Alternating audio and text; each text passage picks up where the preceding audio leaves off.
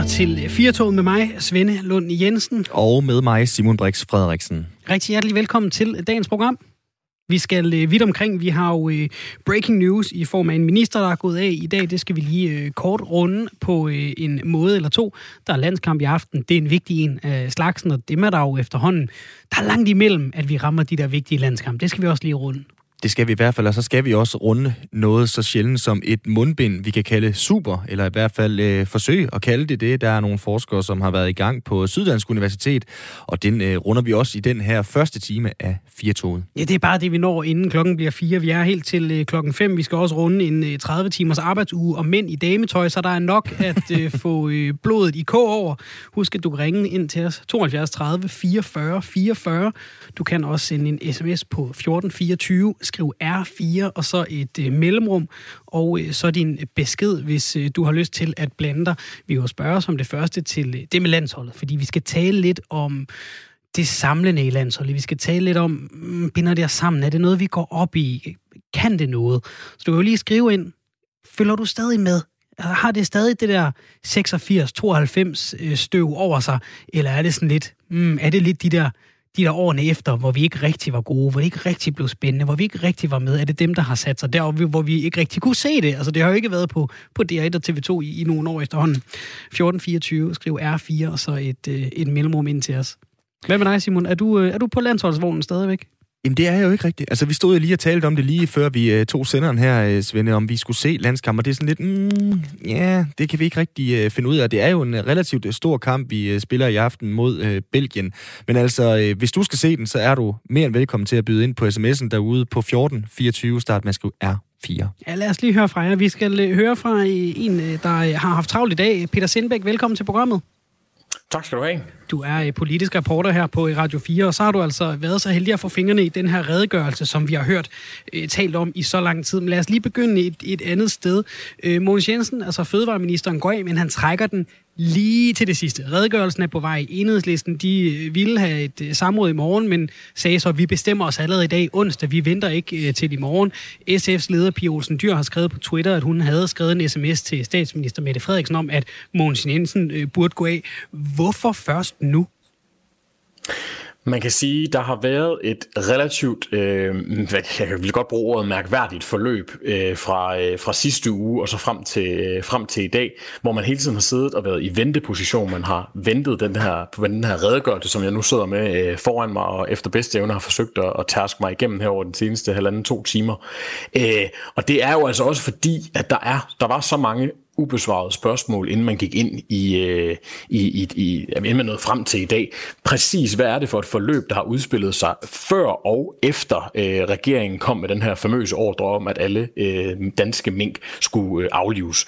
Og når jeg så sidder og kigger på den her redegørelse nu, så er det ja, et, et, et ret, en ret vild redegørelse i virkeligheden. Altså allerede om aftenen efter pressemødet øh, den, øh, den 4. november, der tilkendegiver øh, Miljø- og Fødevareministeriet over for, øh, over for Justitsministeriet, at, at at, der er, at det er vurderingen, at der ikke er hjemmel til at aflive alle de her mink. Altså hele tidslinjen har man skulle have på plads, og det er den, man har ventet på. Og...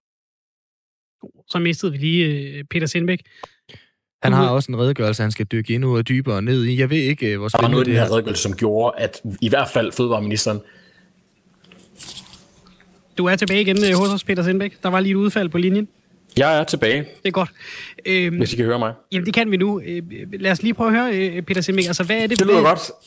Det, det, det kan godt være, at de ikke har så godt øh, dækning herinde på, på Borg. Det kan være, det er Mogens Jensen, der har stillet sig på øh, internetkablet ud af Christiansborg, for vi ikke snakker for meget om det. Prøv at, hvilke, hvilke spørgsmål får vi svar på i den her redegørelse? Er, er vi blevet klogere på, på forløbet sådan øh, grundlæggende set?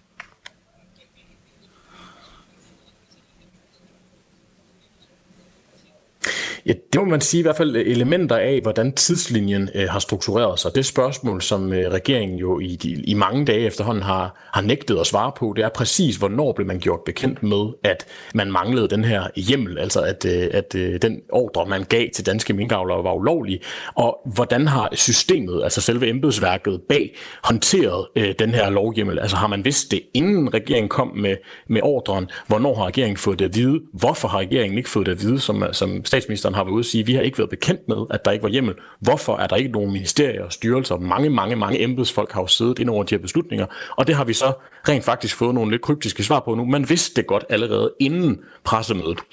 Der står i redegørelsen helt konkret, at man kort før pressemødet 4. november, der fik man meddelelsen fra Miljø- og Fødevareministeriet til Justitsministeriet, at man ikke mener, at hjemmelen om aflivning øh, kan, kan udbredes til hele, til hele landet. Så det er altså nogle, nogle lidt vanvittige afsnit, vi, øh, vi læser i, i den her redegørelse. Det, det er meget indviklet, men det, men det, det viser et, et billede af et, et system, der simpelthen har fejlet i rent faktisk at meddele de højst, stå, højst stående politikere i det her land, om at man har manglet øh, juridisk hjemmel til rent faktisk at nedlægge nedlægge et helt erhverv. Det er, jo, det er jo der skandalen, kan man sige, i virkeligheden begynder at rulle. Og de næste par dage vil så vise, om Mogens Jensen er den første eller, eller sidste af de her dominobrikker, der, der kommer til at falde. Ja, og hvad siger øh, vandrørene lige nu her, Peter Sindbæk? Altså, skal der findes en ny minister, eller kommer vi til at se en større rokade? Han sad jo på øh, en del ministerier, må vi sige, Mogens Jensen. Det er rigtigt, altså man kalder det jo en, en blandet pose bolcher, han, var, han havde ansvar for. Det kunne måske også være det i den proces, at, øh, at der er nogle af de her øh, øh, kommandoveje, der er gået lidt, øh, gået lidt i stå, øh, i hvert fald i forhold til at informere øh, korrekt. Men øh, der bliver snakket om rigtig meget lige nu. Øh, primært er fokus her på borgen lige i øjeblikket på selve redegørelsen og på, hvor aben ligesom skal placeres. Men det er jo ganske rigtigt. Øh, der skal jo findes i hvert fald en ny minister, hvis øh, Mogens Jensens øh, post skal udfyldes. Men allerede nu hører man, øh, hører man lidt rygter om, der er for eksempel meldinger fra, fra nogle ministerier, ministeriet om, at man holder lidt igen med, med informationerne, fordi en større rokade øh, kan være på vej. Det er ikke noget, der er blevet meldt noget ud om. Der er relativt radiotavshed fra øh, det socialdemokratiske ministerhold og, og, øh, og den partiorganisationen i hvert fald indtil nu. Så hvad der lige kommer, konkret kommer til at ske, der er nogen, der nævner muligheden for, at øh, ministeriet kan blive splittet op og delt ud øh, til andre. Det er jo et, et lidt blandet ressort, mm. øh, Mogens Jensen har siddet for, som jeg også ganske rigtigt siger. Når der så øh, bliver slået hul på radiotavsheden, så ved vi, at øh, du, Peter Sindbæk, vil være klar til at øh, gøre os klogere her på Radio 4. Tusind tak for, at du var med her. God øh, læseløst i redegørelsen. Tak, og jeg skal gøre mit bedste.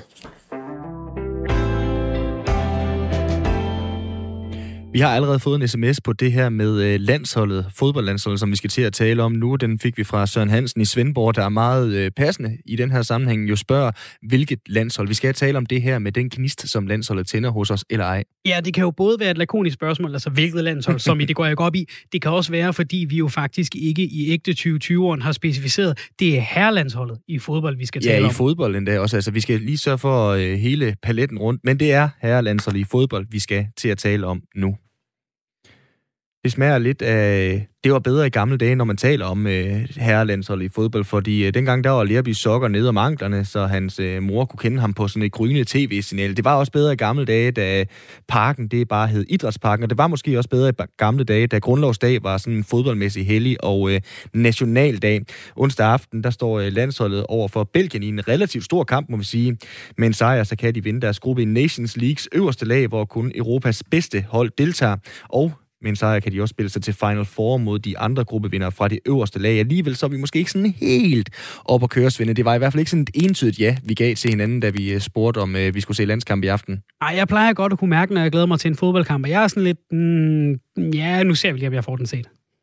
Kian Fornuli, han har været en af dem, som har slået på trummen for, for landsholdets fortsatte betydning og sammenhængskraft. Han er journalist på øh, Kanal 5's landsholdsdækning. Han har stykket sådan et stykke fodboldpoesi sammen. Det kan vi lige prøve at høre her kommer her. Sig ikke, fodbold bare er en sport. Sig ikke, ah, men det er kun fodbold. Kan du ikke huske det? Danmark til et EM og VM. Det du så dengang, det du aldrig glemmer. Han kommer videre til Kian Fnudi og siger, at jeg forlader det, der kun er mit, og besøger det, som altid vil være vores. Kian Fnudi, du er med her fra øh, Belgien, hvor du skal dække landskampen senere. Hvor meget er landsholdet egentlig stadigvæk vores? Ja, det tror jeg, øh, det tror jeg det hele er i, i den grad, hvis, hvis vi har lyst og hvis vi vil. Og hvis vi, har, øh, hvis vi rigtig gerne vil engagere os og, og også give lidt, af, give, give lidt af os selv i det. Øh, og det er også i virkeligheden det, det, det, jeg, det jeg prøvede at sige med, med det nyeste øh, øh, poesi, jeg lavede. Det her klip, det var fra, fra en, jeg lavede for et par år siden, som jo handlede om, hvad landsholdet betyder for vores minder, når vi er børn. Øh, øh, når, når landsholdet er med til EM og VM-slutrunder. Den seneste handler jo om, hvor meget vi savner fansene, men også, hvad, øh, hvad, hvad vi kan give landsholdet, at, øh, at, at det er et privilegium for os som, som fans også at være en del af, at være en del af stemningen i parken. Øh, selvfølgelig øh, vil jeg sige, at, at det starter hos holdet, det starter hos landsholdet, de resultater, de skaber, og, øh, og, og det, de giver af sig selv, at det spillerne viser af deres personlighed.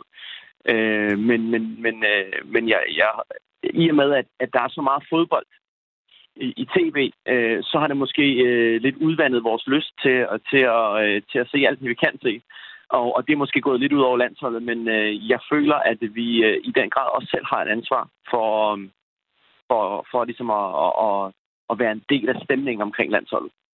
Men hvordan skal vi løfte det ansvar, os øh, fans, som øh, måske, måske ikke øh, har lyst til at se en, øh, en fodboldlandskamp i aften? Og det er svært at gøre det hjemmefra, øh, det vil jeg sige. Altså, man, men man, man kan sige, at det, at man sætter sig ned og ser og engagerer sig i det og følger med, at det er jo i hvert fald en rigtig god start. Og øh, når så øh, den her coronapandemi øh, engang er overstået, øh, men så, øh, så kan man jo gøre det ved, at man kan købe billet til kamp, man kan komme ind, og man kan, og, og, og man kan hvad skal man sige, gøre et aktivt forsøg for at øh, skabe en god stemning derinde. Øh, og, og her skal jeg ikke sige mig selv øh, fri for, når jeg indimellem er til fodbold som fan, at jeg nogle gange godt kan lide bare at sidde og slappe lidt af og hygge mig, og, og ikke råbe for højt, øh, men bare sidde og nyde min øl i, i ro og fred.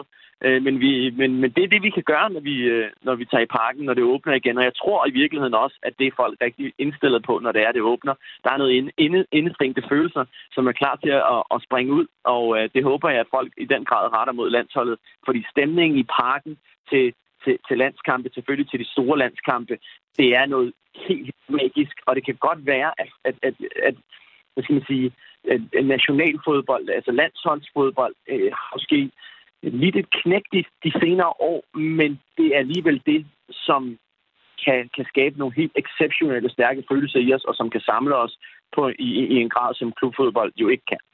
Prøv lige at sælge os lidt på det, Kian Fornuti, hvis man sidder derude og øh, savner øh, dynamitdrengene fra øh, 86. Hvad kan det her hold? Hvad, hvad har vi? Hvad, hvad er der at forelske sig i? Og vi har jo et hold, der øh, for første gang i, i nogle år, vil jeg sige, øh, jo i, i, i den grad har nogle øh, kvaliteter, som, som vi måske ikke har set. Øh, øh, ja, måske, jeg, jeg vil sige måske, det er det stærkeste hold siden, du ved, holdet med Graversen, Tøffe, Øh, øh, øh, Martin Laursen og, og, og de drenge der, Jon Dahl Thomasson selvfølgelig, Jesper Grønkær, det, de, her, de her spillere spiller på, øh, på rigtig, rigtig fine adresser. Og så synes jeg også i, i, i virkeligheden, at øh, det her landshold også har forsøgt at gøre lidt op med øh, den øh, opfattelse, vi har vi, vi tidligere havde landsholdet af nogen, der måske var lidt distanceret fra øh, den normale danske. Jeg, jeg føler, at de prøver at give meget af sig selv og jeg føler altid, at de er imødekommende, når, øh, når vi er oppe og forsøger at lave indslag med dem og interviews og sådan noget. Øh, så udover selvfølgelig en masse god kvalitet, øh, så, har, så er det altså også nogle, sådan, nogle drenge, der gerne vil give noget af sig selv. Øh, og, øh, og, og så har vi en, en, en, en meget, meget kyndig træner, og jeg tror virkelig, at vi er på vej mod, mod store tider. Men det, vi må lade være med, og, og, og jeg ved godt, det kan være svært, og øh, det er nemlig hele tiden at tænke tilbage på, at men det var så også meget bedre i 80'erne. Det kan jeg så godt nok ikke huske så meget af. Men i hvert fald i 90'erne havde vi jo også et landshold. Øh, og, og det tror jeg, vi bliver nødt til at lægge væk til. Det er en anden tid, og det er nogle andre mennesker, og de er formet af nogle andre ting. Og det er vi også. Så jeg synes altså, at vi bliver nødt til at, at, at, at, at gemme de andre ting, de gode gamle ting i vores hjerte, som nogle rigtig gode minder, men også forsøge at, at, at, ligesom omfavne øh, det nye. Og øh, det, det, det tror jeg, der er alt muligt god grund til. Og, det, og forhåbentlig så, øh, så, så kan vi skabe nogle store resultater. Og jeg må også sige understrege, at det er for alvor der, de store resultater, de store kampe. Så forhåbentlig så, øh, så kommer der en i, i dag her i Belgien. Men du er jo også på en eller anden måde i, øh, i hele det her rum på en eller anden måde, Kia Funudi. Altså du, øh, hvis vi skal bruge sådan en rigtig fodboldkliché med på sidelinjen, altså hvor meget af din begejstring for, for hele landsholdets tiltrækningskraft er også bundet i dit job? Øh, en meget også, det, det må jeg sige. Øh, altså, jeg, jeg holder virkelig meget med Danmark, og det er jo mærkeligt, at jeg, øh, som, som en mand, der er øh, født i Iran, og har levet der de første fem år af mit liv, øh, øh, inden, jeg, inden jeg flyttede til Danmark med min familie, øh, render, render rundt og skriver fodboldpoesi om, øh, om, om det danske landshold, men jeg føler meget stærkt for det. Det gør jeg virkelig. Øh, det gjorde jeg også før, at jeg begyndte at arbejde med det, men, i, men, men jeg vil sige i højere grad, øh, efter at jeg er kommet tæt på landsholdet, tæt på spillerne. Øh, jeg, jeg troede ikke, jeg skulle sige det her, men det er noget af det, der giver mig allermest glæde. Nu har jeg lavet mange ting. Jeg har lavet Premier League, jeg har øh, dækket Superliga, jeg har dækket europæisk fodbold øh, og landsholdet, og, og, øh, og, og det overrasker mig, at jeg selv siger det her, men det er faktisk det, der har givet mig mest glæde. Men kan, kan landsholdet altså stadigvæk være samlet på, på samme måde, når de øh, optræder? Nu øh, ved jeg godt, at du selv øh, arbejder for stationen, men når de optræder på en kanal, hvor der, må vi bare være ærlige at sige, er kommersiel, og derfor ikke har nær så mange seere, som hvis det havde været på TV2 eller på, øh, på DR1, er det, er det så nok til, at vi kan have et landshold, som øh, samler os foran øh, tv-skærmen med, med klaphatte på og, og Dannebro på kinderne? Ja, det synes jeg, det burde være. Altså, som sagt, vi har et ansvar hvis vi gerne vil engagere os, så har vi muligheden for det. Det, det er ikke så svært at finde kampen på, øh, på Kanal 5 eller på, på, øh, på Dplay. Så øh, det, det, jeg synes, vi skal lidt væk fra det der med, at vi bare skal have det stopfodret, og det kun er, øh, det kun er øh, alle afhængig af, hvilken kanal det er, og, og, og, og hvem spillerne er. Altså, vi har, et, vi har et ansvar for os selv at engagere os. Og øh, det, det vil jeg i den grad mene, at det er muligt øh, også at elske landsholdet og samles om landsholdet øh, både øh, foran tv-skærmen, når det, er, når det er vores kanaler, der viser det, men selvfølgelig øh, når det er i parken. Og det er jo der i virkeligheden, den største magi opstår. Og, øh, og jeg tror, hvis du EM havde øh, var gået igennem, igennem som vi, vi havde øh, håbet, øh, og de der tre kampe var blevet spillet i København, så tror jeg i virkeligheden, at den her samtale ville have været en anden. Øh, selvfølgelig øh, givet, at vi også har præsteret i de kampe. Men så tror jeg ikke, vi nødvendigvis ville have, have siddet og snakket om nu, om landsholdet ville have samlet os, fordi det, det, det havde vi fået et, et ganske tydeligt, klart bevis for, at vi, hvis vi havde set e, tre EM-kampe på hjemmebane, så havde det i den grad samlet os. Så, øh, så, så vi har et ansvar, vil jeg sige, selv os. Må jeg spørge dig, Kian? Jeg, jeg var vokset op i, i 90'erne og, og vokset op... Øh, det, mine første minder med landsholdet, det er efter 92. Altså, vi er forsvarende europamester. Vi, vi kommer rigtig godt igennem kvalden til, øh, til EM i England i 96. Og, øh, og, og, og, og bliver så bare altså bliver hældt ud, ikke? Øhm, og, og det bliver sådan lidt øh, for mig sådan et, et kendetegn, ikke? Altså vi, vi, vi klarer os heller ikke særlig godt i 2000, der taber vi også 3-0 et par gange, og vi, vi kommer aldrig rigtig i gang, og, og når vi skal kvalificere os til noget, så taber vi altid til Italien eller Portugal til sidst, og der er sådan, der er, altså, der er en del maver over, ikke? Og nu er vi jo så op, nu er vi op som nummer 13 på verdensranglisten, vi skal have den her Nations League gruppefinale mod, øh, mod Belgien, vi er i øh, første seedet til, øh, til den kommende VM-kval. Øhm, hvad er det for et landshold, vi har? Altså, fordi øh, vi kan jo både, øh, øh, det, det, er jo, det er jo både desillusionerende, det der med, når vi ikke er gode i nogle år, men samtidig så også, når vi er favoritter, når, når vi virkelig ligger til den, så, så jeg forventer at blive skuffet i aften. Jeg forventer, at vi får en snitter og taber 4-0. Altså, og, og det er måske en meget dansk ting, noget jantelov og et eller andet indover, men, men, men de sidder jo ikke og har de her diskussioner, måske i Tyskland og Spanien og England, der snakker de ikke om landsholdet er relevant, der snakker de måske om, spillerne er gode nok. Hvad er det, hvad er det der er med Danmark og landsholdet på den måde? Og jeg ved ikke, om er, er, er vi... Øh, er vi lidt for forkælet? Det ved jeg sgu ikke, om vi er. Det er i hvert fald et spørgsmål, som man måske kan stille i, i, øh, i, i den her sammenhæng. Oh, det, jeg, jeg synes, det er svært at, jeg synes, det er svært at svare på, fordi jeg jo i den grad selv føler, at jeg brænder så meget for landsholdet, og, og, og øh, uha. Øh, jeg ved ikke, om, om, om vi mangler, om det er længe siden, vi sådan for alvor har, har mærket sådan et stort resultat. Mm. Øh, øh, og, og sådan virkelig mærket det der, sådan et rigtig sådan et mindværdigt øjeblik. Altså, jeg vil sige, at vi, vi, vi, vi havde sådan et, da vi slår Irland i kvalifikationen, men måske mangler vi noget i en slutrunde. Det er længe siden. Øh, vi var tæt på øh, øh, ved VM i 2018 øh, mm. i den der åndedelsfinale mod Kroatien, og jeg tror også, hvis, hvis det havde været der, så, så kan det være, at diskussionen havde været en anden. Men jeg tror, vi mangler det der ene øh, rigtig store resultat i en slutrunde, om det er til en kvartfinale eller, eller, øh, øh, øh, eller noget i, i, i VM eller EM eller sådan noget. Jeg, jeg tror, det er det, vi mangler for for alvor sådan at, og, og, og sådan for alvor knytte os til landsholdet, øh, øh, som, som, som vi gjorde i gamle dage. Kian for Nude, vi må se, om vi får mere knytte os til i aften, når Danmark de øh, går på banen mod Belgien kl. 20.45. Du skal afsted til stadion og dække kampen. God fornøjelse. Mange tak. Allerede for 10 år siden, så var der overskrifter blandt andet i øh, Jyllandsposten om dalen interesse for landsholdet over fem år. Trods en slutrundedeltagelse i 2010, så viste undersøgelsen, at hver tredje havde en faldende interesse for det danske herrelandshold i fodbold. Jeg talte med en øh, kammerat forleden, han boede i Brasilien der tilbage. Kan du huske i 2014, hvor de var i semifinalen, VM på hjemmebane. Fodbolden kommer hjem til Brasilien, nu skulle det være, så tabte de 7-1 til Tyskland. Åh, oh, den sidder nok stadig i den. Ja, Morten Brun nævnte den i går, da der var øh, Spanien mod Tyskland i går, hvor, øh, hvor tyskerne de tabte 6-0 til Spanien. Hvor, Ja, den har også man, ondt. Ja, lige præcis. Altså, om der lige var sådan et øh, déjà vu-følelse. Og min kammerat, han boede i Brasilien på det tidspunkt, og han, øh, han kunne fortælle, at i morgen tv dagen efter, der havde de psykologer inde til at fortælle øh, brasilianerne, hvordan de skulle tale med deres børn om det her. Ikke? Altså, der er vi trods alt ikke, ikke endnu med Danmark. Det kan være, det er der, vi skal hen for, at uh, interessen Men du kan jo selv se med dig selv, at øh, vi forventer at blive skuffet, Svende. Ja. Det kan være, det er derfor, vi ikke har brug for øh, psykologhjælp. Jeg krydser altså stadig lidt fingre i aften. Jeg håber, vi vinder. Det kunne være lidt sjovt. I går talte vi her i programmet om det kontantløse samfund. Det gjorde vi, fordi kontanter indgår sjældnere og sjældnere, når vi for eksempel handler i butikker, og den øh, proces er kun blevet speedet op, lader det til, hvis man lytter til Coop og øh, Selling Group. Vi er helt nede på, at 12 procent af transaktioner har øh, noget med kontanter at gøre.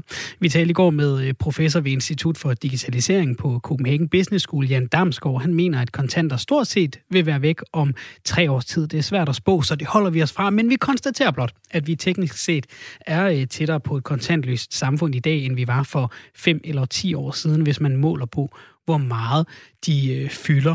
Og øh, vi skal øh, forsøge at komme lidt, øh, lidt nærmere det her, fordi der var i hvert fald nogle lyttere, der skrev ind i går, at Åh, nu blev det sådan lidt øh, forherligende af det her øh, pengeløse samfund.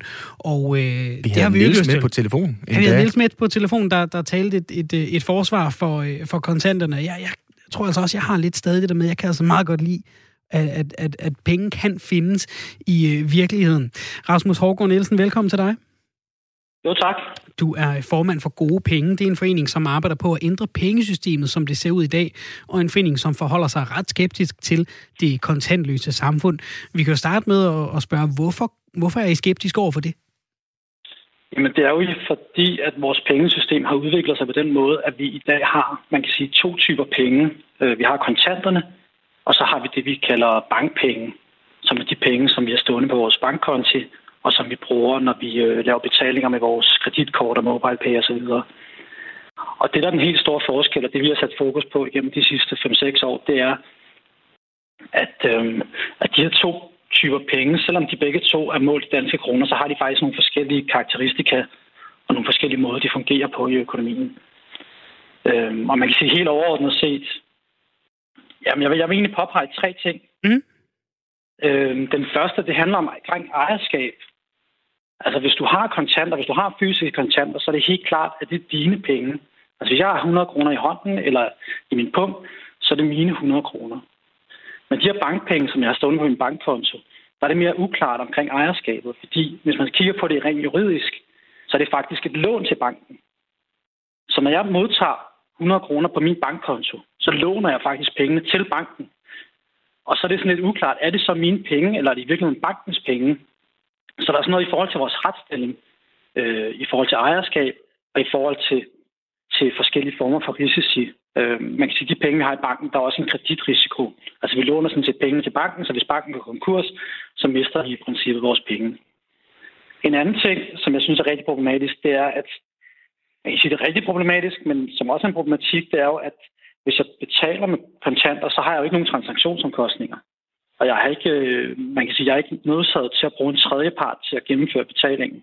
Altså jeg kan overføre direkte til en, til en anden person eller en virksomhed. Så jeg kan ja, simpelthen ved at fysisk overlevere pengene. Så jeg er ikke nødsaget til at påtage mig nogle transaktionsomkostninger. Og det er jeg jo sådan set, hvis jeg bruger de digitale penge, de penge, jeg har stående på min bankkonto. Hvis jeg overfører dem til andre, så vil der altid være forbundet en trans- nogle transaktionsomkostninger. Og noget af det, der også er i den måde, som vi har organiseret vores system på, det er, at de transaktionsomkostninger, de er jo centraliseret omkring aktører, som for eksempel Nets, øhm, fordi der er nogle stordriftsfordele, og fordi det basically er infrastruktur. Så der er faktisk nogle private aktører, der administrerer det her betalingssystem og tjener nogle af de her transaktionsomkostninger, som jeg er nødsaget til at påtage mig, hvis jeg bruger de her bankpenge. Den tredje ting, ja, du må godt sige, at jeg bare med spørgsmål. Det, Ja, det er godt, Rasmus, fordi jeg, her. jeg kan jo ikke lade være Ja. med at tænke, når jeg hører, øh, når jeg hører det her. Altså, der er vel stadigvæk nogen andre end mig, nogle andre aktører, du kalder dem private aktører, øh, Rasmus, som øh, bestemmer, hvad pengene er værd. Og det er det vel uanset, om det er på dankort, eller hvis det er kontant. Altså, hvorfor er det, vi kommer mere i kløerne på banker, hvis kontanterne de forsvinder? Jamen, det er vi, fordi dem, der garanterer pengene, altså kontanternes værdi, det er jo Nationalbanken, det er staten, om du vil, demokratiet, øh, vores, vores øh, samfund i virkeligheden. Hvor at man kan sige, at pengene, du har stående på din bankkonto, værdien af dem er jo sådan set underlagt de former for risici, som banken påtager sig.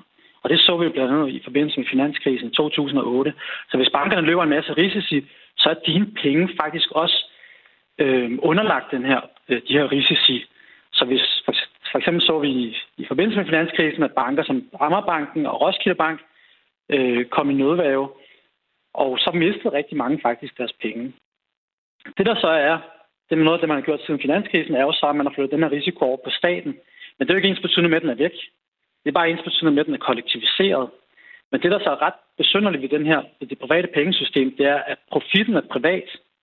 Øhm, altså profitten går til de private banker, til de private aktører, der, der administrerer vores betalingssystem, men det meste af risikoen er faktisk kollektiviseret og dækket af, af, af skatteyderne. Øh, så det er sådan helt på samfundsplan. Og det, er også, det leder mig lidt frem til den tredje problematik, som jo er den, vi bruger mest tid på at pointere. Og det er sådan et pengepolitisk aspekt af det. Altså det, der er helt centralt, det er, at bankpengene bliver produceret af private banker. Så når jeg låner penge i en bank, så øges pengemængden i samfundet, og der kommer flere af de her bankpenge ind i, i, i samfundet. Så private banker kan faktisk styre pengemængden i samfundet øh, ved at låne os penge, ved at yde kredit og ved at producere flere af de her bankpenge. Hvor man kan sige, at Nationalbanken, den måde, som de kan kontrollere pengemængden på, det er gennem øh, kontrol med kontanterne. Og det er klart, at hvis vi fjerner kontanterne, så mister Nationalbanken og staten for den sags skyld også den sidste kontrol med pengeproduktionen og med øh, pengemængden i samfundet. Så kontanterne holder, holder bankerne lidt fra, øh, fra øh, det værste af, af bordet. Betyder det så også, at vi burde blive bedre til at bruge kontanter? Altså det her, det bliver jo lidt sådan en tendenshistorie. Ikke? Vi bruger færre kontanter, så sidder sådan nogen, som, som Simon og jeg her taler om, Åh, hvad betyder det så? Det betyder måske, at det kontantløse mm. samfund er tættere på. Altså burde vi sådan rent protestmæssigt bare blive bedre til at bruge kontanter, så de der statistikker lige pludselig ikke peger så meget nedad, og, og, og ergo er der heller ikke rigtig noget argument for at lade kontanterne sige jeg synes, der er gode grunde til at kontant, eller bevare kontanterne. Og, øhm, og jeg opfordrer også tit folk til at bruge kontanter oftere, fordi jeg tænker, at dem har vi bedre kontrol med rent samfundsmæssigt. Mm. Men jeg mener ikke, at det kan være et ansvar, der pålægges den enkelte. Og de ting, jeg sidder og siger her, det er altså heller ikke noget, som, som staterne og centralbanken er klar over. Mm. De er også på det her. Og det, der er problemet lige nu, hvis kontanterne forsvandt, det var, at staterne og centralbanken ville miste den her kontrol. Så noget af det, man diskuterer fra centralhold i øjeblikket, det er, at centralbanker, altså Danmarks Nationalbank er en centralbank i Danmark, og vi har den europæiske centralbank i Europa. Det, de diskuterer i øjeblikket, den danske nationalbank er lidt defensiv i forhold til det med den europæiske centralbank, den amerikanske centralbank og den kinesiske centralbank er meget klart mailet. Det, de kigger på i øjeblikket, det er, at de skal udstede digitale penge. Og så kan man sige, så kan vi få nogle digitale penge, som på nogen måde er i hvert fald mindre om de fysiske kontanter, ved at de er produceret af centralbanker, og vi har bedre samfundsmæssig kontrol med dem. Så det er noget af det, vi faktisk bakker op om i gode penge. Øhm, og noget af det, vi har sagt de sidste par år, at det bør man gøre. Man bør tage det skridt. Det kan så have nogle andre konsekvenser og nogle andre problemstillinger. Altså jeg synes stadig ikke, i forhold til det første problem, jeg nævnte, i forhold til det med ejerskab, synes jeg stadig, der er gode argumenter for at bevare kontanterne. Øhm, der er også noget i forhold til anonymitet, som er sådan et ideologisk, politisk spørgsmål, som jeg også synes, man i første omgang i hvert fald bør diskutere meget grundigt. For der er jo ingen tvivl om digitale penge. De kan overvåges, de bliver overvåget. Det store spørgsmål så er, altså, hvem skal kunne overvåge dem? Under hvilke forudsætninger? I dag er det til private banker, som så indberetter det til myndighederne. De fysiske penge kan man ikke overvåge. Og det har jo, kan man sige, nogle ideologiske fordele, hvis, hvis man går ind for anonymitet og, og øh, privat frihed. Det sagde altså Rasmus Hårgaard Nielsen, der er formand for øh, Gode Penge. Tusind tak, fordi du var med her, Rasmus. Selv tak. Det var altså anden dag i træk, hvor vi lige fik talt lidt om det her kontantløse samfund, som vi mere eller mindre er på vej hen imod. Vi havde Jan Damsgaard med i går til at tale om det, udover lytteren Nils og øh, Jan Damsgaard, han øh, turnerede jo med det her argument, Svende, om at øh, penge jo, eller kontanter, jo også øh, fordrer lidt øh, lyssky aktivitet. Altså mm. det er simpelthen er kontanter, som øh, kriminelle i større eller mindre grad øh, bruger. Så der er jo, øh, som vi har hørt også her fra, fra Rasmus fra Gode Penge, altså for og imod argumenter for begge dele. I dag der øh, måtte Fødevareminister Mogens Jensen trække sig ovenpå et øh, forløb, hvor hans øh, ministerium havde givet øh, minkavlerne i hele landet besked på at slå deres mink ned, uden så have lovdelen af den ordre på plads. Og det er jo selv sagt øh, problematisk, og det har han så taget konsekvensen af i dag efter et øh, lidt længere forløb. Pludselig så var det ikke en ordre, og så var det kun en opfordring. Vi bliver øh, klogere på det efterhånden, som vi får gravet os ned i den her mm. redegørelse. Vi havde Peter Sindbæk, som er øh, politisk reporter her på øh, kanalen øh, med tidligere, og, og det bliver altså nogle spændende dage at, at få gravet ud, hvad der rent faktisk øh, står i, i den her øh, redegørelse. Men hvordan føles det at sidde der på en ministertaburet, der pludselig bliver varmere og varmere for hvert øjeblik, der går? Det ved du øh, lidt om, Lars Barfod. Velkommen til programmet. Tak skal du have.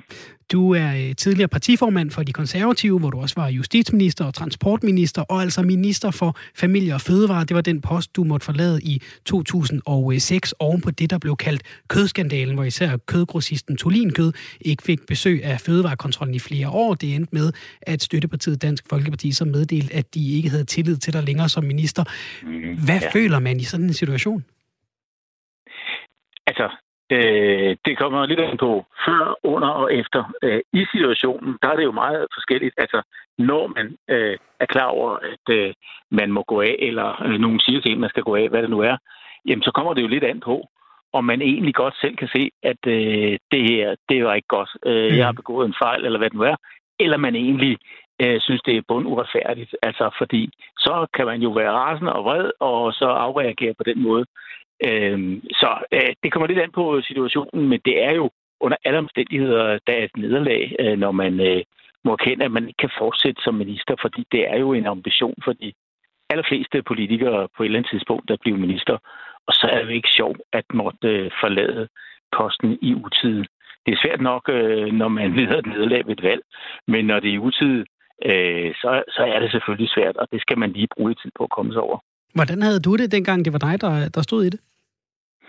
Jamen, altså, jeg havde det øh, faktisk øh, sådan, og øh, at, at det ikke for at lyde selvretfærdig, men, men jeg synes, jeg synes ikke, det var øh, i orden.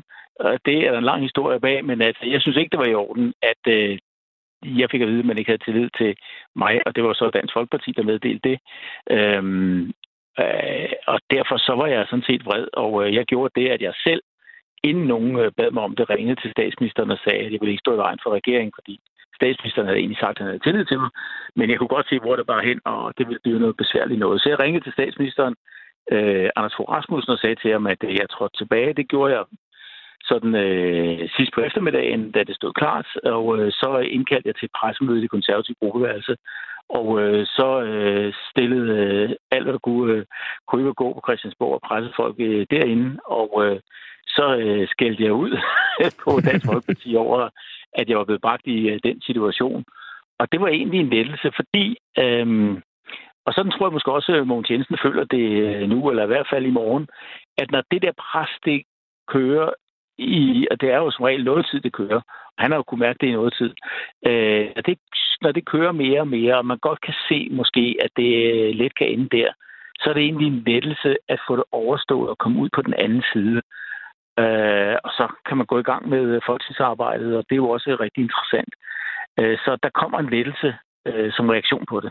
Ja, du taler selv om lettelsen her, øh, Lars Barfod, og man øh, kan jo bare udefra kigge på Måns Jensen de sidste par dage, hvordan hans taburet, den ligesom har, har kogt under, under mosen øh, på ham i det sidste øh, stykke tid. Den mm, her proces, ja. som også var for dig, hvilket stadie var den værste? Var det det der med at kigge hen mod afgrunden, at det her, det kommer nok til at øh, koste mig en, en taburet, eller, eller var det, øh, du taler om lettelse, var det lige inden du øh, ringede op til, til statsministeren og sagde nej? Hvilket stadie var det værste for dig i det her?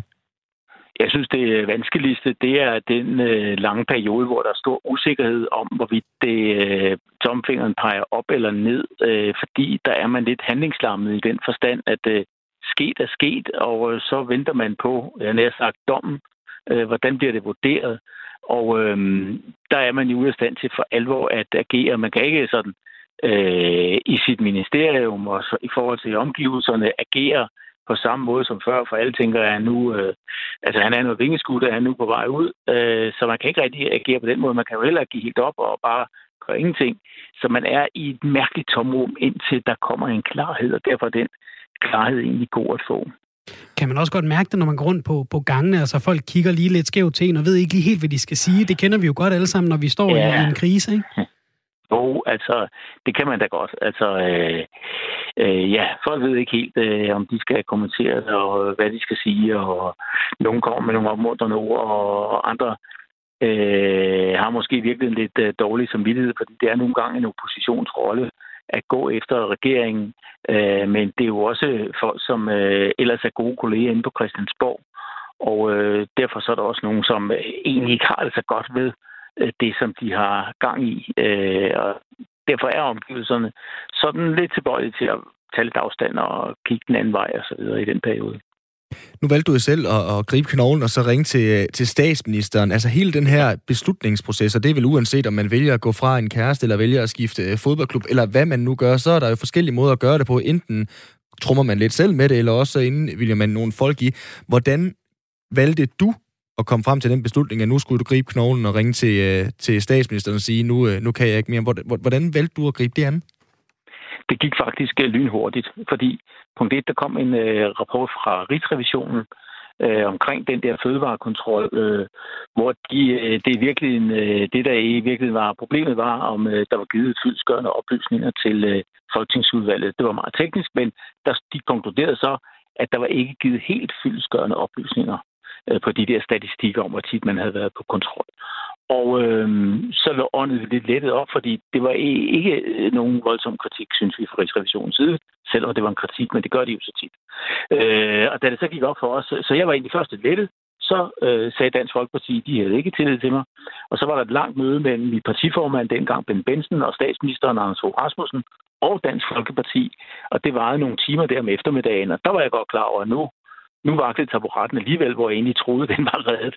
Og øh, da de så meddelte efter det møde, hvor Anders Fogh Rasmussen og Ben Benson havde forsvaret mig, at de ville sige, at de ikke ville øh, have tillid til mig, så kunne jeg jo godt se, at så ville jeg ikke gå hele vejen til en afstemning i Folketingssalen, når statsministeren var i en mærkelig situation. Så der gik ikke mere end en halv time eller en time, så havde jeg truffet den beslutning og ringet til statsministeren. Og nu, nu nævner du det selv, øh, Lars Barfod, altså du tror, den er reddet, og så er den ikke alligevel det kommer ja. jo nogle gange til, og det har det også gjort med Mogens Jensen, til at se ud udefra, som om, at man som minister klamrer sig til taburetten og, og nægter mm. at gå af, før det, det er, altså, før det er lige før øh, lukketid. Er det også sådan, ja. det opleves indenfra, eller er det, eller er det noget andet, der er i spil der? Igen, det kommer lidt an på omstændighederne. Altså, jeg vil sige, altså nu vil jeg nok ikke selv have brugt det udtryk klamrer mig til taburetten, men du er jo ret, du er jo ret i det, øh, i den forstand, at altså, jeg synes, og det kan andre som noget andet om, jeg synes ikke, at det var nogen alvorlig kritik, jeg havde fået, og jeg synes faktisk, at jeg havde rettet op på rigtig mange ting i den fødevarekontrol. Så jeg synes ikke, det var rimeligt, hvis jeg skulle gå. Og øh, derfor så øh, ville jeg da være blevet, hvis det var sådan, at det kunne lade sig gøre, og det kunne det så bare ikke. Hvor frustrerende er det, det der med, altså nu nævnte du selv, det var noget teknisk og en kritik, som du ikke synes var særlig alvorlig. Hvor frustrerende er det, det der med at have siddet som folketingsmedlem og minister og føle, man gør det godt hver eneste dag, og så, så sker der en fejl, og det, vi laver alle sammen fejl. Det er jo selvfølgelig så med lidt større indsats der, hvor, hvor du sidder, end der, hvor jeg sidder. Hvad sidder man med at føle sig, når, når man godt kan se, at det går den forkerte vej, og jeg, jeg prøver sgu egentlig bare at gøre mit bedste? Jamen, altså, det er selvfølgelig øh, frustrerende. Altså, sådan er det jo. Øh, det er jo ikke rart. Øh, men omvendt, øh, når du nu siger, at det er sådan... Øh, hvad var det, hvad var det for et udtryk, du brugte? Det var det er sådan værre for, øh, for mig, end det er værre for dig, eller noget den stil, mm-hmm. sagde du, ikke? Altså, øh, men det er det jo egentlig ikke. Altså, der er jo ingen af os, der kan lide at miste vores job, slet ikke, hvis vi egentlig synes, at vi er udsat for en øh, urimelig behandling. Så er det jo ikke værre for en minister end for andre. Forskellen er egentlig bare den, at... Øh, at det foregår i fuld offentlighed. Øh, og selvfølgelig er medierne rigtig interesserede i det. Og det er jo ikke rart at øh, være på forsiden på den måde. Så det er det, der er forskellen. Men i ens øh, livsvilkår og så videre, der er den forandring, der sker, og det tab, der er ved at miste sit job, jo ikke større for en minister, end det er for andre. Og øh, som Mogens Jensen også siger, nu glæder han sig til at komme tilbage til arbejdet i Folketinget, og sådan gælder det jo for de fleste minister, for de er jo samtidig folketingsmedlemmer, at næste dag, så kan de jo genindtage deres sædvanlig plads i øh, Folketingssalen, og så øh, formentlig i løbet af relativt kort tid få nogle ordførerskaber igen og deltage i det arbejde, der var også rigtig interessant, og som egentlig er det, man har gået ind i politik for. Altså for mit vedkommende er jeg gået ind, i, gik jeg jo ikke ind i politik i din tid øh, for at blive minister. Jeg gik ind for at være folketingsmedlem, og så blev jeg minister, og det er jo prikken over i øh, hvis man kan være det i en periode, men, men, men, de, man, men, man, næste dag er man, jo, er man jo folketingsmedlem og har sit gode job der. Så på den måde er det jo ikke så galt for de ministre, Øh, det er jo ikke sådan, at man heller, altså ens økonomiske grundlag bakler jo heller ikke under en lige fra den ene dag til den anden. Øh, ligesom alle andre, der bliver afskedet, så er der en periode, hvor man stadigvæk øh, får sin ministerløn og så videre og så videre. Så øh, man skal heller ikke male det mere sort. Og så tror jeg også, at Mogens Jensen øh, vil tænke, øh, det tænkte jeg i hvert fald selv, at der er jo andre, der er røget ud som minister, og så er det den straf, man har fået. Og efter øh, nogen tid, så øh, kan man igen øh, være på tale til en ministerpost. Efter øh, et par år, så bliver jeg transportminister, og så bliver jeg justitsminister. Anders Fogh Rasmussen måtte også gå af som skatteminister på grund af nogle regnskabsmæssige ting. Øh, der, øh, han bliver altså landets statsminister, og, og sådan er der jo flere andre eksempler på det. Men Lars Barfod, som du selv øh, også griber den lidt fra, fra Svende og siger, altså vi er jo alle sammen mennesker og bliver jo alle sammen ramt, hvis vi er nødt til at miste vores job af den ene eller den anden mm. årsag. Altså jeg kan jo ikke lade være med at spørge, nu er det Dansk Folkeparti, der ligesom lagde pres på. Hvor bitter gik du rundt og var, eller skele du lidt til de forskellige politikere fra Dansk Folkeparti og tænkte, ah, dem kan jeg ikke lige øh, dele en uh, kop kaffe med næste gang mm. på borgen, eller, eller, eller hvor meget ja. sådan, af det der helt grundlæggende menneskelige bitterhed blev du ramt af? Øh, altså, der er, øh, det, det, det er helt klart sådan, at jeg var vred i uh, nogle tid over det. Øh, øh, på dem, som jeg synes havde, havde ja, stået en kniv i ryggen på mig faktisk, fordi ja, det, det var jeg. Øh, men altså, så går det jo over, og, og øh, der er en dagligdag, man skal have til at fungere, og man skal have et samarbejde i gang i, i Folketinget øh, med dem også, og så videre, og så videre. Øh, så gik det jo over, og så får man et udmærket øh, forhold til dem øh, igen. Altså, jeg har et fint forhold øh, til folk i Dansk Folkeparti i dag, men var der lige en periode, hvor man gik og skummede ganske gevaldigt. Det skal jeg gerne indrømme. Må jeg spørge lidt frægt, uh, Lars Bagford, fordi som, som partiformand, så lægger du også afstand til, til Dansk Folkeparti som, som støtteparti. Var det gået over der, eller var det stadig der, du gik og skumlede lidt? Uh, nu ved jeg ikke lige, hvad det er for en uh, situation, du tænker på der. Øhm, I, du, du snakker om, at, at I, er, I er ret langt fra, fra hinanden, og, og at, øh, og at det, det ikke bliver med dem i regeringen og så videre. Åh ja. ja, ja. Jeg tror, jeg sagde det på den måde, at jeg kunne sagtens se dem i regering. Mm. Bare ikke samtidig med det konservative folkeparti sad regering. Men det var nu øh, slet ikke øh, noget, der havde med den affære at gøre. Det havde simpelthen at gøre med, at øh, ikke mindst i EU-politikken mente jeg, at vi stod øh, så langt fra hinanden, at jeg ikke kunne se, hvordan vi kunne sidde i, i en regering og forvalte EU-medlemskabet og EU-sagerne osv., øh, fordi de var så meget imod øh, EU. Så det var baseret på en ren analyse af, at der er nogle store politiske forskelle mellem Dansk Folkeparti og det konservative Folkeparti. Fik du lige pillet mit skue fra hinanden, Lars øh, Barfod. Du skal have tusind tak. du skal tusind tak for at være med her til at uh, fortælle lidt om uh, den situation at sidde som minister og, uh, og uh, mærke, at man er nødt til at gå af. Tak for det, Lars. Ja, selv tak. Hej. Vi skal til snak om mundbind. Mundbind det er efterhånden blevet fast inventar i vores hverdag. Det samme er øh, debatten om de her øh, blå eller hvide masker, som vi alle sammen render rundt med, enten det er i Rema 1000, eller på togperronen, eller på den lokale kaffebar. Der er snart sagt ikke et sted, hvor vi ikke skal have de her mundbind på. Nogle mener, de virker, andre mener ikke, de virker. Men øh, hele debatten om, hvorvidt mundbind virker eller ej, kan vi måske lukke ned i en ikke så fjern fremtid på SDU. Der har et par forskere nemlig fået en god idé, og i samarbejde med handelsvirksomheden Abena i gang med at udvikle et supermundbind, som kan uskadeliggøre virus og samtidig alarmere brugeren, når der er virus i øh, nærheden. Velkommen til dig, Jakob Markusen. Tusind tak. Du er direktionsassistent hos øh, Abena. Helt øh, kort her til at starte med, hvordan virker det her intelligente mundbind? Mundbindet virker sådan, at øh, det ligner et helt almindeligt mundbind, og inde i mundbindet der er der det her smart materiale, som de har udviklet på SDU. Og det her materiale kan man så øh, vurdere til at detektere virus. Det kunne være coronavirus. Øh, og så kan man øh, simpelthen sende et signal til en app om, at man er udsat for en virus. Og hvordan uskadeligt gør det så virus? Jamen, det er simpelthen de øh, mikropartikler, som øh, indkapsler øh, virusen, og mikropartiklerne indfanger virusen, og så uskadeliggør den virusen. Ja.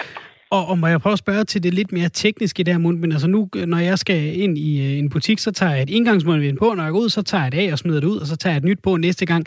Altså, hvordan fungerer det her mundbind? Hvor mange gange kan man bruge det? Er det ligesom den der cykelhjelm, man har om halsen, som, som springer en gang, og så skal man have en ny? Hvor, hvordan, er, hvordan fungerer det rent sådan praktisk? Det vil også være et indgangsmundbind, som vi kender dem i dag. Øh, de her type to mundbind, som de fleste går med, øh, som er karakteristisk med de blå øh, foran. Så det vil være indgangsmundbind, som man har på måske i fire timer, og, så smider man det igen. Og, og hvad kommer de så til at koste per stykke? Altså, det lyder som om, der er noget dyr teknologi i det her. Og selve prisen er vi ikke, så langt er vi ikke øh, med projektet nu, men vi regner sådan set ikke med, at det skal være et øh, dyrt teknologi. Det skal, det skal være en teknologi, der først og fremmest er på telefonen jo, men, øh, og, men selve stoffet, smart stoffet, det øh, vil man godt kunne få ned i en pris, der er øh, betalbart for du og jeg. Jeg beder Svend om at pakke uh, MobilePay uh, tilbage i, uh, i baglånen, Jakob Markusen. Altså, hvor langt er man i processen? Der er jo virkelig meget velkommen til fremtiden over det her. Hvor, hvor tæt er vi på, at, at det her det er noget, vi kan tage på her og nu? Ja, så tæt er vi ikke på det endnu. Øh, som vi øh, var ude og melde ud i går, så er det jo en formalisering af samarbejdet. Vi har været i gang med det i øh, seks måneder allerede, og nu er vi så langt i processen, at vi, at vi tør melde ud, at det her det er noget, vi går efter. Så øh, vi ser en fremtid øh, 6-9 måneder, inden vi er færdige med at udvikle produktet, få det godkendt og, og producere det. Det lyder jo som en helt genial øh, idé, det her, der, der er kommet. Altså, hvor, hvor begejstret er du selv, når du, øh, når du sidder her i radioen og fortæller om det? Altså som Abena som virksomhed synes jo, det her det er et rigtig sjovt samarbejde, at vi får lov til at, at tale med nogle af de uh, førende eksperter på det her område uh, i, i Vesteu. Så vi synes jo, det er rigtig sjovt, og vi har, det her med at lave innovative produkter, det er jo sådan noget, der, der er en del af virksomhedens DNA. Vi synes, det er sjovt at, at være med til at forme fremtiden på den her måde. Du har jo været lidt inde på det øh, tidligere i, i et af dine svar, at, at det jo ikke kun er, er covid-19, som det her det kan, det kan bruges på. Altså, hvordan, øh, hvor, hvor bredt er det her supermundbind? Jamen, det er jo øh, relativt bredt. Altså, man kan simpelthen programmere øh, mundbindet til at detektere en bestemt type vira. Så hvis vi sådan kigger tilbage nogle år, så har vi jo haft andre pandemier, øh, såsom øh, SARS og MERS osv. Og, øh, og hvis vi kigger ud i fremtiden, så vil vi igen opleve, at der kommer pandemier. Og det vil man simpelthen bruge mundbindet til at sige, øh, øh, øh til at bruge, når, de, vi bliver ramt af de pandemier. Så det er det jo lige så meget forberedelse på, at, øh, at nu skal vi blive klogere på øh, øh, coronavirus, eller vi skal blive klogere på pandemier øh, nu her, og så skal vi kunne bruge den viden også øh, sidenhen. Jeg tror, der er mange, der vil være glade for, at, at, at også der, hvor, hvor man sidder og laver de her mundbind, så er det noget, vi tænker, det trækker vi op, når vi har brug for det, ikke? Vi skal til at gå med mundbind hele tiden. Det, det, der er jo trods alt håb for, at at vi ikke skal, øh, skal gå med, med dem hele tiden. Hvor, hvor stor opmærksomhed har I fået fra, fra ind- og udland på det her siden nyheden om det her projekt kom i går? Jamen, vi har fået rigtig meget feedback, især fra øh, andre forskere og andre universiteter, som jo gerne vil øh, være med til det. Øh, det er jo ikke kun et projekt, der handler på SDU. De har også nogle fangearme ude i andre, øh, på andre universiteter. Og der har vi fået rigtig god respons, og der er rigtig mange, der gerne vil øh, være en del af projektet og, og, og komme med bud på, hvordan det kunne øh, altså udformes osv. Så, videre. så vi synes jo, vi er rigtig glade for den respons, vi har fået indtil videre alle de her mundbind, øh, som vi øh, kender og, og bruger nu, som ligger i skraldespanden og på gader og stræder, er øh, brugt. Er det meningen, at de skal helt ud og så øh, overtage sig jeres nye øh, super eller jeres nye smart mundbind? Og jeg tror, det er for langt at, at, at trække den. Altså, vi bruger jo bogstaveligt talt millioner og millioner og millioner af mundbind øh, til dagligt alene i Danmark. Øh, og det gør man jo også i resten af verden. De her smart mundbind, det skal jo være som en øh, service til de med øh, folk, der gerne vil vide, om de har været udsat for mundbind. Måske har man en i sin familie, der er jo særlig udsat, og derfor har man et særligt hensyn til at, at være opmærksom på, om man er udsat for, for vira øh, af nogen art. Så det, jeg tror ikke, det kommer, til ikke, det kommer ikke til at erstatte de helt almindelige mundbind, men det kommer da helt sikkert til at, at være et, et godt produkt for mange mennesker, tror jeg. Hvor skal knokleriet bestå? Nu er det på stadigvæk at øh, udvikle det her mundbind, og hvad det sådan rent øh, teknisk skal kunne, eller handler det her nu om, at øh, nu skal det sælges? Vi er så langt i processen, at, øh, ja, at vi tror på, at det kan lade sig gøre. Det her smart øh, materiale, som øh, Ugandra har udviklet øh, på SDU, det er øh, sådan set færdigt. Nu skal vi have tingene øh, mundbindet og smart materiale til at arbejde sammen, og vi skal have nogle sensorer i mundbindet, og så øh, er vi klar til produktion. Så vi er der, hvor vi de store byggesten, de er færdige, og nu skal vi have sat byggestenene sammen til et færdigt produkt. Og skal vi have det godkendt jo. Hvordan føles det, øh, sådan, når, man, når man sidder med på, på sidelinjen, når der lige pludselig foregår sådan noget, altså, øh, øh hvad kan man sige, højaktuelt øh, opfinderi? Øh, hvor spændende er det sådan at, at sidde og kigge ind i den proces? Jamen, det er super spændende, og vi har fået lov til at gøre det af nogle omgang her øh, hos os i Abena, øh, fordi øh, det ligger simpelthen som en del af virksomhedens DNA, at vi gerne vil være nysgerrige og være en del af det her øh, innovation. Altså ikke bare produktudvikling, men altså ægte innovation, hvor man prøver at gøre noget, som ikke er blevet gjort før. Så vi synes, det er super spændende, og vi øh, øh, kontakt med SDU, det er jo rigtig øh, ja, ja, motiverende og, og privilegeret at få lov til at deltage i det. Vi har smartphones, der hedder øh, iPhone eller, øh, eller Galaxy, eller hvad det nu øh, ellers hedder, og har sådan nogle velklingende navne, som gør, at vi har lyst til at, at købe den. Altså, hvad skal det her mundbind hedde? Der er nogen, der allerede nu har gjort sig øh, morsom over, at det hedder mundbind, at det skal hedde noget ganske, ganske andet. Hvad skal jeres øh, smart mundbind hedde? Og så langt er vi ikke øh, i processen. Jeg tænker, at indtil videre går det under, under kaldenavn det intelligente mundbind. Øh, så øh, det, det er indtil videre arbejdstitlen. Øh, om det kommer til at hedde det intelligente mundbind, øh, når vi når frem ni måneder længere frem, det ved jeg ikke. vi må se, om der er nogle øh, konsulenter, der bider på øh, det, øh, market, den marketingsmulighed. Tusind tak, fordi du var med her, Jakob Markusen. Ja, selv tak. tak du var altså direktionsassistent hos Sabina, der sammen med SDU nu er i gang med det her super mundbind, smart mundbind, eller det intelligente mundbind. Intellibind. Skal vi lige brainstorme In, lidt, Simon? Intelligent. Oh, vi skal ja. nok have mundbind med, ikke? så vi ikke får noget pro- produktsforvirring. Jamen det er jo rigtigt, men samtidig er det her jo også en genial idé, er jeg jo nødt til at sige, så den skal jo også have et et navn, der klinger lidt uh, internationalt. Ja. Øhm, altså, Smart Mask. Smart mask. Ja, smart mask. jeg ved, det kan godt være, at det ikke er der, jeg skal, øh, jeg skal øh, slå min uh, folder. Vi har fået en, en sms, hvor der står, den, bind har jeg, den idé har jeg længe haft. Min idé er bare smartere. Velkommen til programmet. Ja, tak. Hvad hedder du? Jeg hedder Leon. Du hedder Leon. Hvad er det for en idé, du har fået, Leon? Jamen det kommer så egentlig af, at øh, nu arbejder vi øh, i malerfaget og er altid udsat for alle mulige forskellige partikler, og jeg ved ikke alt muligt. Og så der ikke var noget af det her. Øh, vi kunne ikke få nogen mundbind, så, øh, så, så vi, vi skulle rende rundt og slibe og gøre alle mulige forskellige ting og sådan noget Så gik vi og snakkede om det her med, at, øh, med de her mundbind.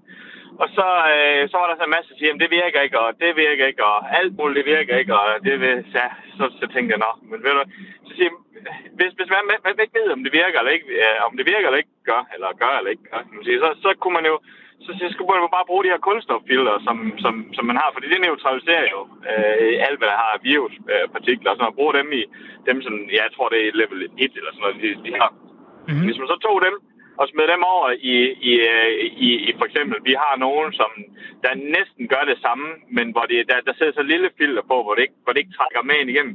Hvis man kunne gøre det, så var der ikke nogen mulighed for, at der kom filter, øh, der kom filter ind igennem. Så tænkte vi så, men så, så skulle vi jo hele tiden gå og bruge de her forskellige masker. De koster noget, en del med de her øh, kulstofmasker. Det koster jo, de koster jo noget mere. Så en, en, hvis en maske koster 10 kroner, så koster de her måske 300 kroner. Men de kan så også bruges rigtig mange gange. Jamen, hvis man så bare laver en, en, en, en, en, en maske, øh, som... Og vi, vi snakker nemlig også om det her med, at øh, hvis den så kunne fortælle dig, ligesom du har en pH-værdi, eller du har et eller andet, hvis den kunne fortælle dig, hvornår den her maske, den er, øh, ja, altså hvornår der, den har været interaktiv med et eller andet virus eller noget, mm. det, kunne, det kunne være smart. Men plus, at du har en maske, som du kan gå med hele tiden, hvor du egentlig nu går du og spritter fingre af hele tiden, og du gør alt muligt, du spritter alt muligt mærkeligt af, og altid har en eller anden desinfektion. Og så, hvad, hvad hvis du kunne desinfektion, den her maske, eller desinfektere maske i stedet for? Så behøver du ikke at have alt det spild med, med 3.000 mundbind i biler og alle mulige forskellige ting. Så du har en kunststofmaske, som der går som, som virusen, den, den, den, den sådan set bliver dræbt af, altså om du ånder ud, eller, eller du får det imod dig, den kan ikke overleve. Øh, og du har en mask, du kan gå med igen og igen, og så kan du have den lille bitte fin flaske, hvor, hvor du lige sprøjter, øh, når du lige giver den et, øh, et pus pust, og så skal det ikke være det der sprit, der stinker af helvede til, eller har alle mulige mærkelige dufte, men, men måske mere som almindelig rotalon, som der ikke er så skadelig, men desinficerer. Så har du en masse, du kan gå med hele tiden, eller ligesom dem, du, du kan vaske og sådan noget ting. Og det er øh, i forvejen derude bare ikke, øh, lidt, bare ikke rigtig samlet på den måde. Og det har vi snakket om med vores leverandør og sådan nogle ting der, om det egentlig var, øh, kunne være. Og, og systemet er der allerede, men det koster bare 4.000. men Leon, hvor, hvor, hvor genial skal man være, eller hvor meget øh, malerjern skal man have, have for, at man udvikler sådan en idé? Ah, ja, jeg ved ikke. Man skal vist nok være lidt, lidt til det. Men det, det, jeg ved ikke. Det er jo, når, når snakken går, så begynder man jo bare, og, og så, kører det jo, så kører det jo bare derud af. Altså, så griner vi bare lidt af det, og så, så videre, så videre. Men nu har jeg jo været med til at, at, at lave mange forskellige små virksomheder, og, og, og har selv øh, bygget virksomhederne og sådan ting. Det, så ja, jeg ved ikke, jeg har måske altid været sådan lidt af en, en idéfyr, du ved, jeg der bare sådan, så finder man ud af det, så gør man det. Og, og det, øh, det er bestemt ikke uh, men, men så var det jo bare spøjst, at de lige havde, uh, i lige havde en, en, en uh, havde dem her igennem, der holdt hemmelig en idé. Men det her, det er sådan en idé, der røg ud i æderen. Så må de jo tage den. Jeg skulle lige til at sige, vi må se, om der er nogen, der, der griber den. Tusind tak, fordi du bød ind her, Liam. Jo, tak. Næste, næste gang, Lian, så ringer jeg lige til dig øh, først, uden vi i radioen, så vi to vi kan gå videre med eventyret. Tak for, at du ringede ind. Ha' en god dag. jo, tak. Hej. Jo, hej. Og øh, sådan kom vi altså igennem den øh, første time af øh, dagens program. Her får du et øh, nyhedsoverblik. Klokken er blevet 16. Her får du Signe Riborg Rasmussen med et nyhedsoverblik.